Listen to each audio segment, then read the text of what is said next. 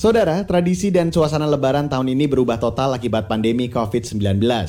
Situasi wabah memaksa masyarakat beradaptasi di tengah kegembiraan berhari raya.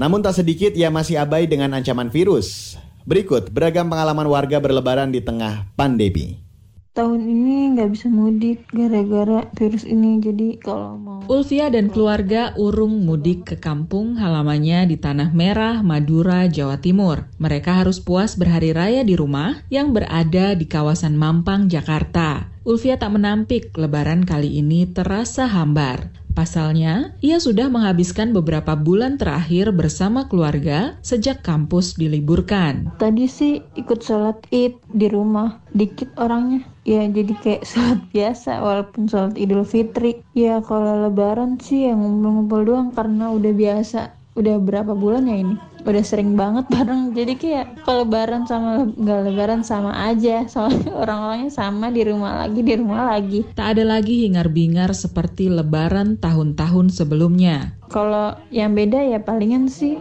kayak biasanya ngumpul di kampung gitu. Harus sih biasanya pagi-pagi dandan kayak baju baru.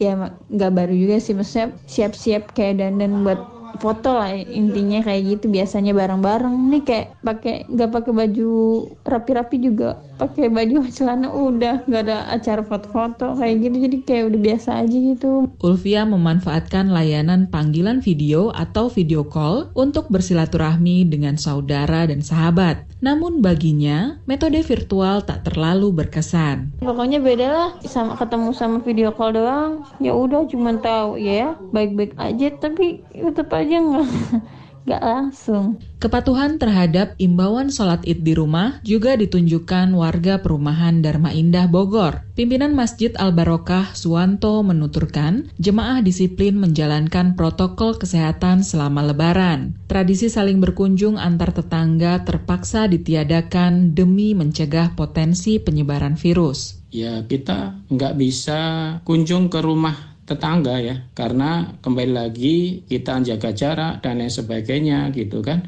Cuman sebisanya aja kita keluar lewat gitu kan. Eh, kemudian kita keluar dari rumah gitu. Yang biasanya kita bisa berjabat tangan langsung kemudian berpelukan saling memaafkan dalam lebih dekat lagi gitu kan. Tahun-tahun yang lalu lebih khusus Salat Idul Fitri hari ini di kampung saya masih dilaksanakan di musola seperti tahun sebelumnya. Lain halnya dengan Heru dan keluarganya di kampung Lebak dan Perdana Pandeglang, Banten. Mereka nekat mengikuti sholat id bersama ratusan warga di musola dekat rumah. Warga terlihat santai dan banyak mengabaikan protokol kesehatan. Menurut Heru, rata-rata warga yakin kampungnya bebas corona. Sholat tetap dilaksanakan karena warga kampung kami, kampung kecil yang tidak banyak pendatang dari kota atau daerah yang ada positif coronanya mbak. Untuk protokol kesehatan tidak begitu ketat, e, hanya saja memang di sini jika ada warga yang merasa sakit harus menggunakan masker. Memang terlihat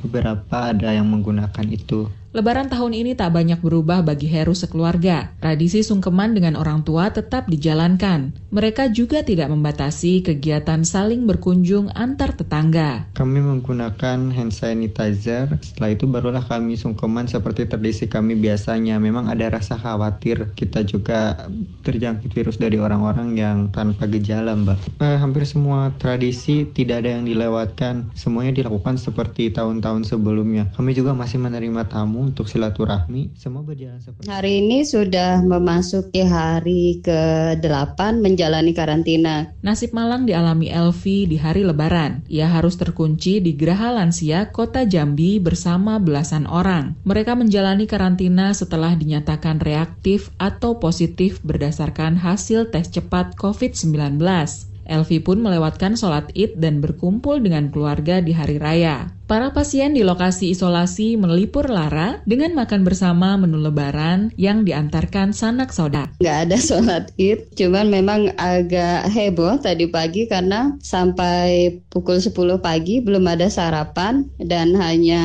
diberikan masing-masing pasien itu ada pop mie dan satu bungkus kopi saset gitu. Makan barang mungkin sekitar beberapa jam kemudian karena ada keluarga pasien yang mengantarkan beberapa makanan, ada yang ngantarin ketupat, ada yang ngantarin kue.